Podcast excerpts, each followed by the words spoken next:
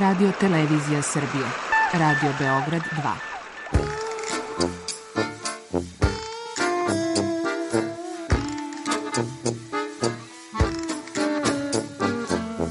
Rekli su mi, gospodine, vi ste promašili temu. Pa ja sam onda promašio život. I ne znam šta će da bude sam. Kaže, ja ne mogu više te čuvam. Šta da ti radi, kaže, snađi se kako znaš. Mi smo kao u kafesu. Za nas to je najmrtvo. To je mrtvo za nas. Naročito. I ja bih želela neko da me usvoji. To bih želela. Govori da bih te video. Program dokumentarnog zvuka.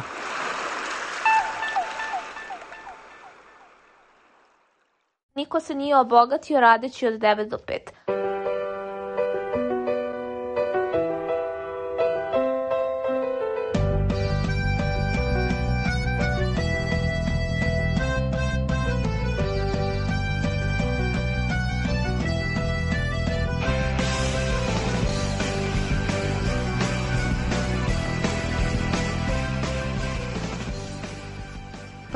sam od skora počela uh, ponovo da radim od 9 do 5, praktično 8 sati sam svaki dan na radnom mestu, s tim da uz to treba uračunati ovaj prevoz, znači sat vremena mi uh, ode do posla i nakon posla opet sat vremena i ako odem u neku prodavnicu i neku nabavku posle toga, posle radnog vremena, ja sam bukvalno kući oko 7 uveče i shvatila sam da će meni život da prođe tako i da sam samo u poslu i baš me nekako, evo od kako sam krenula da radim, uhvatila neka, da kažem, egzistencijalna kriza, jer kao, jako mi brzo prolazi vreme. Ranije kad sam radila, radila sam nešto konsultantski, skraćeno radno vreme od kuće i nekako sam imala više vremena i sporije su mi nedelje prolazile i o, o, o, o, ovakav način me negde uspaničio. Godine prolaze i imam utisak kao da ću sutra u penziju.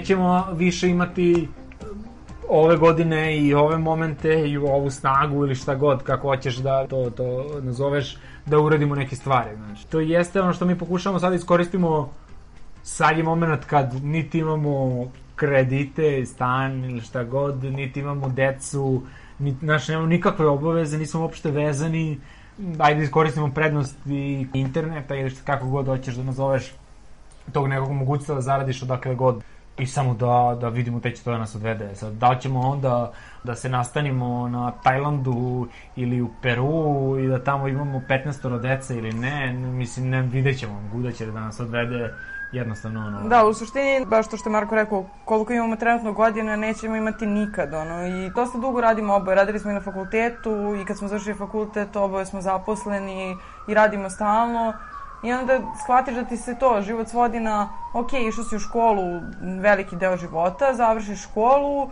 sve super, počeš si da radiš, ok, ostvario si neku ok platu da može da živiš od nje, I kao, i šta sad, sad treba da jurim da, ono, kredit, da zarađujem više i onda prođe ti život u tome, ti juriš neke pare, neki, neki taj život da ti sebe obezbediš. Mislim, jeste stvarno teško i strašno što kod nas je ono stambeno pitanje, životno pitanje dosta, mislim, egzistencijalno pitanje dosta ovaj, problematično. Ja mislim da danas svako ko pomisli ovaj, da kupi sebi stan u Beogradu se naježi ono 60 puta, pa tek počne da razmišlja o tome.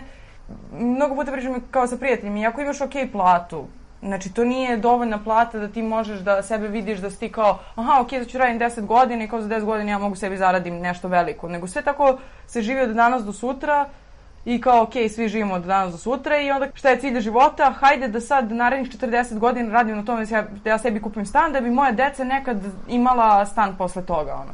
Znači, ono, jezivo, kao, bukvalno. I onda smo mi kao u fazonu, ok, znači nećemo tako. Mislim, šta god da bude bilo, mislim, iako budemo žili kao podstaneri, ne znam, nije to ništa tako strašno. Barem ćemo da znamo da smo sa, u, kad smo imali najviše snage i volje za životom, putovali i radili ono što smo želeli i da će nam to biti najveća sreća u životu, a ne da sedimo sa 60 kusur godina i žalimo naših protrećenih 20 u poslu koji ćeš na kraju celog života raditi, ono, jer, jel te, tako funkcioniše valjda život, ovaj. Tako da je to, to neki ovaj, naš cilj, da zapravo prkosimo sistemu.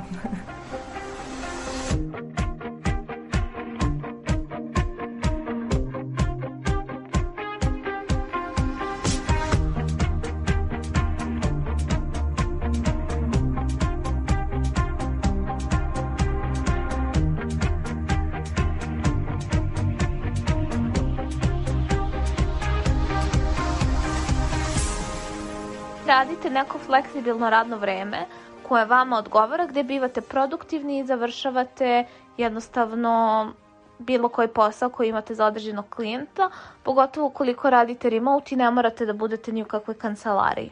E sad, e, mnogo ljudi smatra da je ovo luksuz, ovo zapravo uopšte više nije luksuz, zato što su čak i neke naučne studije dokazale da, na primjer, ti skandinavski modeli gde imamo, na primjer, 6 sati radnog vremena, bivaju učinkovitiji i efektniji kada je taj efektivni doprinos a, u pitanju, nego 8 sati gde, aha, malo ručkić, malo kafica, što se kaže kafica, cigarica, i onda nešto malo uradimo i idemo kući. I tako svaki dan.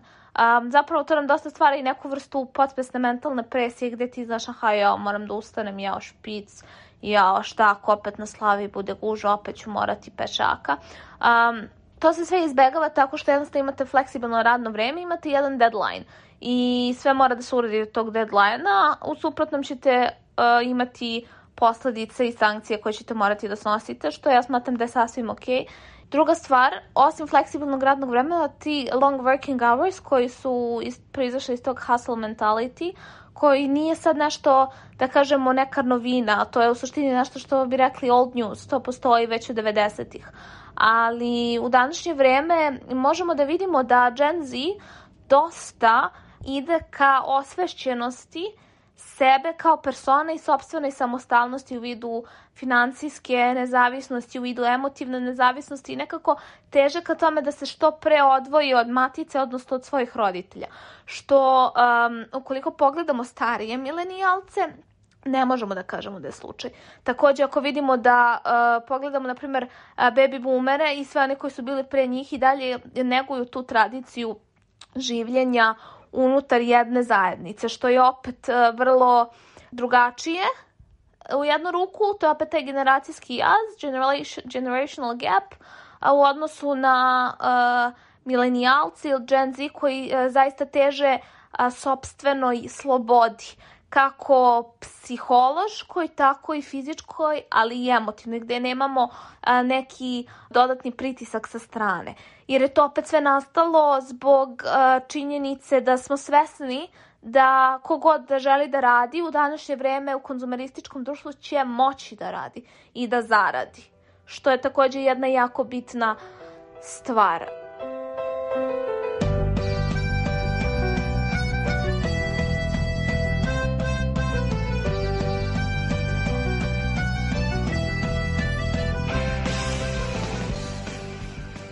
Ja sam penzioner, imam neki značajan penzionerski staž, već punih šest godina, evo počinje sedma godina kako sam penzioner, znači pripadam nekom bivšem vremenu.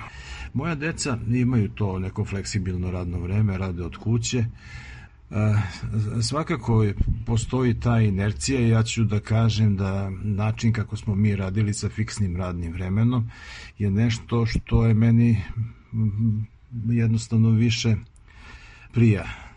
Mislim da je to fiksno radno vreme i ta radna disciplina kada ste morali da dođete tačno na vreme i kad ste morali da se upišete tamo ili, ili kad zakasnite morate da se javite pa da objašnjavate zbog čega je to, koje, šta vas je sprečilo da dođete na vreme i tako dalje. To e, liči kao da vam neko stavlja neke bukagi okove, u suštini nije. Mislim, to je, to je prilično onako jedan re, jedan realni životni okvir na koji se vrlo brzo naviknete. Na kraju krajeva ja sam na posao odlazio rado, voleo sam to što sam radio. Imao sam prijatelje na poslu koji su mi danas prijatelji i najlepši deo dana mi je bio kada se ujutru skupimo oko te jutarnje kafe i tu apsolutno nisu bile prazne priče. Mislim, oko te jutarnje kafe smo pravili neku strategiju ili taktiku za, za taj dan, šta ćemo da radimo, šta nam je prioritet, gde su problemi. Zajednički smo to rešavali uz jedno neko prijatno ćaskanje i to je po meni bilo veliko zadovoljstvo. I uopšte ta interakcija sa ljudima na poslu je jako značajna. Tako da ove silne konferencije koje ja e, svakodnevno slušam, pošto moj sin radi od kuće, e, moguće na neki način da, da liče na to što smo mi jeli e, radili pijući ovaj, tu jutarnju kafu, ali kontakt sa ljudima je nešto neprocenjivo. Mislim da sa, sa tog aspekta je taj klasičan posao kad vi imate fiksno radno vreme idete na posao i tamo radite sa, sa, sa vašim kolegama je nešto što je meni mnogo više prijelo. Ja se ja bi se teško navikao na, na, na ovaj sistem uh, rada od kuće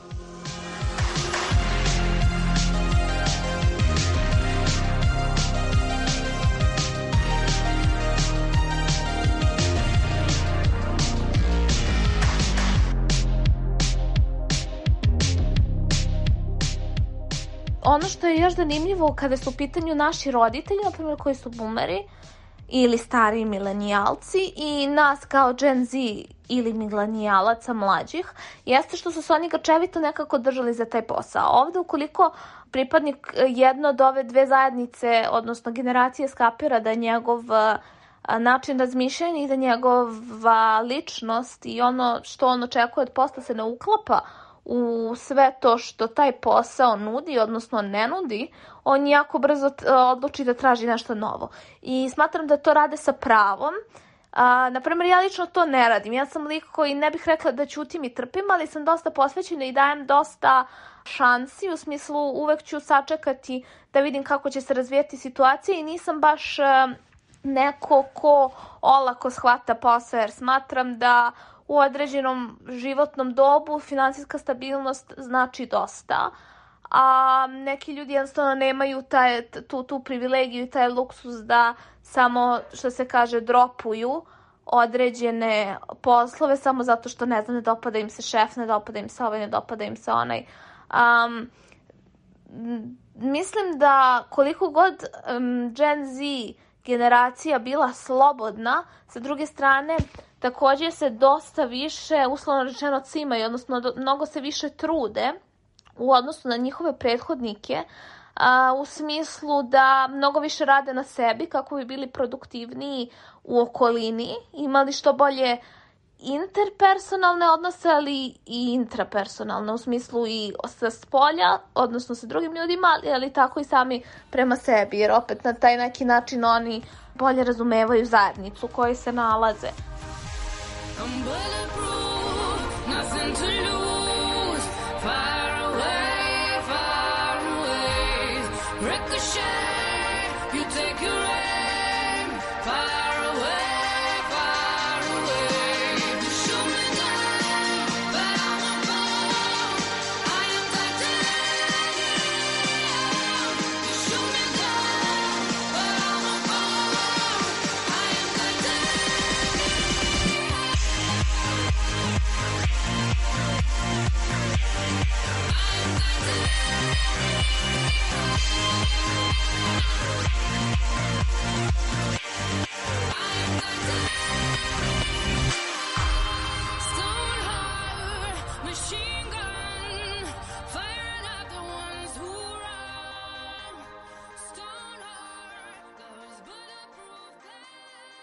Nekako evo sad razmišljam o tom osmočasovnom radnom vremenu sve više na jedan drugačiji način, imam utisak da je praktično to način da se mi bukvalno ustrojimo. A zašto to kažem?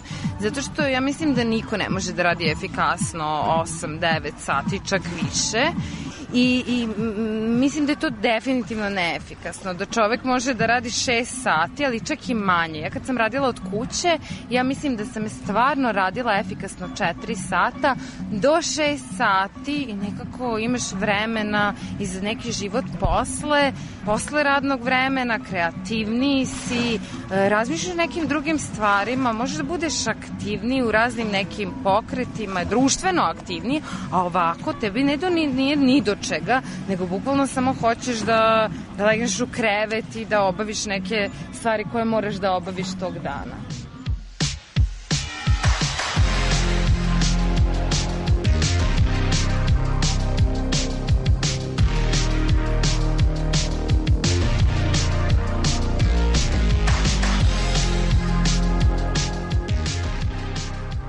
Moji roditelji su imali poslove od 9 do 5 i gledala sam njih kako onda dođu kući, malo odmore i imaju samo popodne i uveče za neke svoje aktivnosti i vreme za sebe. Isto se znalo kada e, uzimaju slobodno, kad mogu da putuju i nekako nisu imali prostora za tu neku slobodu, da odluče, e, sledeće nedelje hoću da otputujem negde ili hoću da e, nešto uradim, da se družim sa nekim i mislim da mladi baš teže toj slobodi i fleksibilnosti. Žele da eksperimentišu, ne drži ih mesto, žele da se pronađu u nečemu, ne postoji više ni taj strah da li će naći posao, nego je pitanje samo kad će naći posao i u kojoj sferi.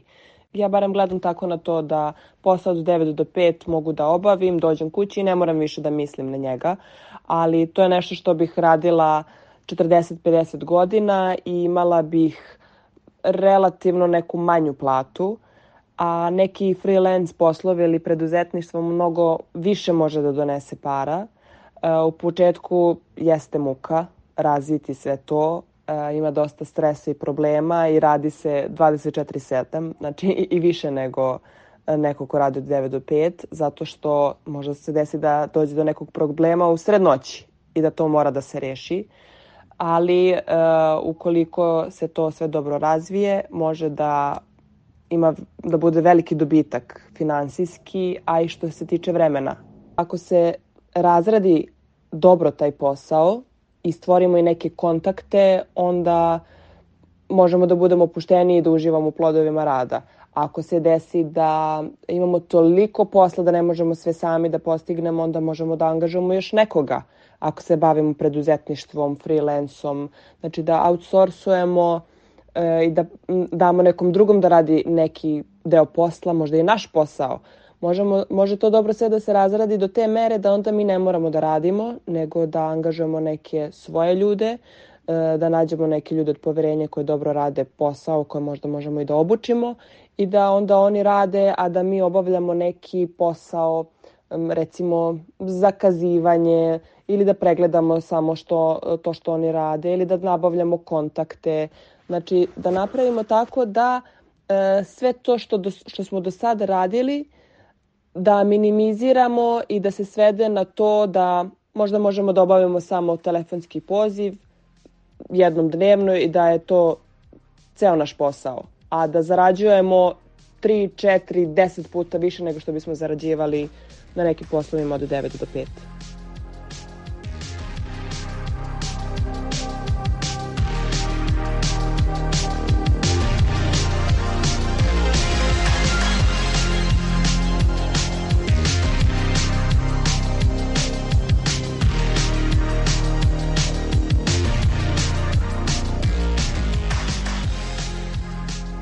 Mislim da ljudi koji su vredni i koji imaju zanat u svojim rukama ne treba da se brinu. Videla sam to e, iz svog iskustva i ljudi u okruženju da ako si vredan i imaš cilj, ideš ka njemu, da uvek će se stvoriti neke prepreke, ali opet e, nema gde da ideš nego gore. Ako ti vežbaš, nadograđuješ to svoje znanje, ako e, si okružen ljudima koji se bave sličnim stvarima ili su u toj nekoj sferi, e, ako imaš dobre kontakte, da sa njima radiš te neke projekte ili da mogu da te povežu sa nekim ljudima, da ne treba ono toliko da brineš. Uvek postoji ta neka i neizvesnost, i briga, i pitanje šta, kako, da li, ali da samo treba sebi postaviti te neke ciljeve i da se ide ka tome.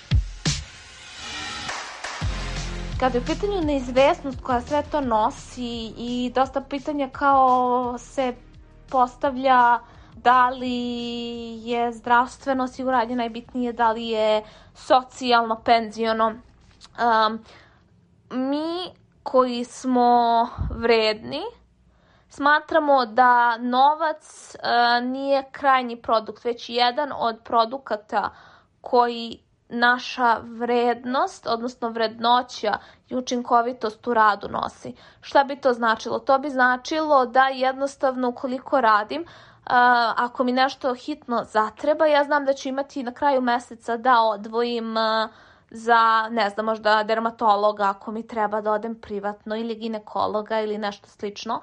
Tako da to sve što je vezano za te neke stvari koje su ranije, da kažemo, naši roditelji, možda naša starija braća i sestre jurili, aha, penzijona zdravstvena, aha, pa koliko mi se ovde sabira staž, kako šta. Mi ne mislimo o tome iz prostog razloga zato što danas smo shvatili da postoji nešto što se zove pasivni prihod i gde god mi možemo da radimo više poslova, gde god smo sposobni, ukoliko smo zdravi, ukoliko jednostavno imamo snagi, mi ćemo uvek raditi više poslova koji su, na primer, a, manje, što se kaže time consuming, odnosno oduzimaju manje vremena, dakle nisu klasični od 9 do 5, ali i pored toga, ako već radimo od 9 do 5, mi ćemo ili pre toga ili nakon toga odraditi neki dodatni posao kako bismo mogli da pokrijemo ha i to letovanje i taj neki dodatan a, pregled kod dermatologa i nikako nećemo morati da razmišljamo ha da li ću a, do prvog a, imati da da kažem, bukvalno isprati mesec ili ne. A, takođe, još jedna stvar koja je vrlo, vrlo zanimljiva jeste definitivno i sam um, način razmišljanja o tome kako se mi nosimo na, sa nestabilnošću. A, moramo reći da ako pogledate berzu, na primer, berza kao sama po sebi i dosta nekih stvari koje su um, kao što su, na primer, kamate, kamatne stope, uh, kao što su osilacije u kriptovalutama, sve je izuzetno nestabilno i to je jednostavno što nešto što na današnja ekonomija sa sobom nosi i današnji način življenja. Dakle, koliko god sve danas bilo nestabilno, mi a, svaki dan se budimo i svaki dan idemo na spavanje znajući da je sve izuzetno nestabilno, ali opet ne dopuštamo da nas to koči iz prostog razloga, zato što opet i taj moj otac, konkretno moj otac koji je bio direktor firme je ostao bez posla jer je firma otišla u stečaj i jako je bilo teško živeti sa jednom platom, a ja sam u tom momentu bila mala. I onda nekako sve te neizvesnosti koje su se kupile, kupile od nekih izvesnih događaja, jer se opet ne možemo reći da se nije znalo da se, da se firma neće zatvoriti, da neće otići u stečaj. Tako i ovde, bukvalno bivaš treniran sa samim da kažemo, ugovorima, znači na tri meseca, na šest meseci, pa na tri, i onda nikada ne znaš da će ti produžiti ugovor i možeš samo da se nadaš. Tako da si ti uvek negde na oprezu, što je dobro, jer uvek se trudiš da budeš malkice bolji nego što bi možda bio kako bi ostao tu, a opet sa druge strane svesan si sebe i možeš da tražiš nešto što je možda za tebe bolje i jednostavno ti više odgovara.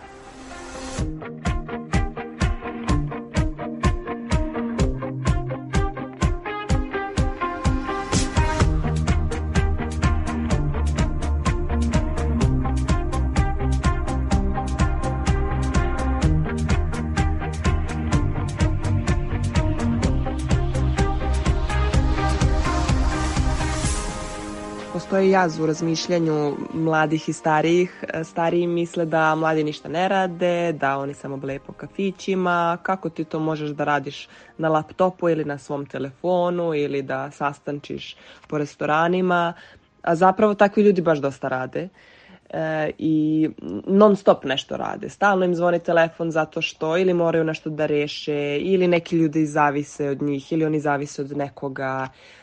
I onda nekad to stariji ne, ne primete. Znam kada mene roditelji zovu i pitaju šta radiš, pa evo idem do krojačice, idem po neke materijale, nešto radim, sređujem.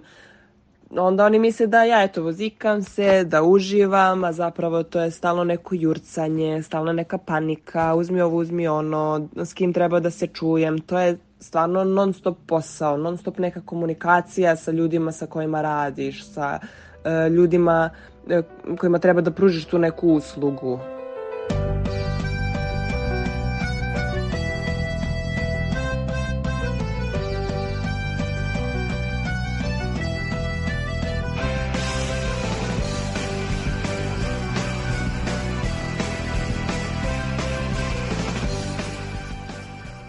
Kada je u pitanju poslovni život, ja bih voljela da, da se bavim aktivno nečim što će mi ispunjavati, ali uvek bih voljela da imam sa strane barem jedan biznis kao što sad imam koji će biti ne nužno pasivan, morat ću ja ipak da se tu malo potrudim, da uložim neku energiju, ali jednostavno da znam da imam neku svoju siguricu, znači dakle ne ušteđevinu, ne nasledstvo, ne nešto, nego jednostavno samo održiv projekat koji je produkt mog rada, koji ću ja dalje moći da koristim kao neku svoju zaleđinu za u, možda u nekoj budućnosti miraz detetu ili neko njegovo um, veliko uh, da kažemo opremanje u smislu kupovinu stana ili ulaganje u nešto, ulaganje u njegovo obrazovanje i tome slično. A, ili ukoliko nešto, ne daj Bože, ne bude bilo ok sa nečim zdravljem, da to bude više fond koji je zarađen uh, iz tog nekog pasivnog prihoda za tako neke stvari, dok jednostavno nešto što je aktivno opet fluktuiše između e, tih nekih e, stvari koje su na nivou svakodnevnih stvari i jednostavno tog takozvanog money flow e, momenta koji se pojavljuje u svakodnevnom životu.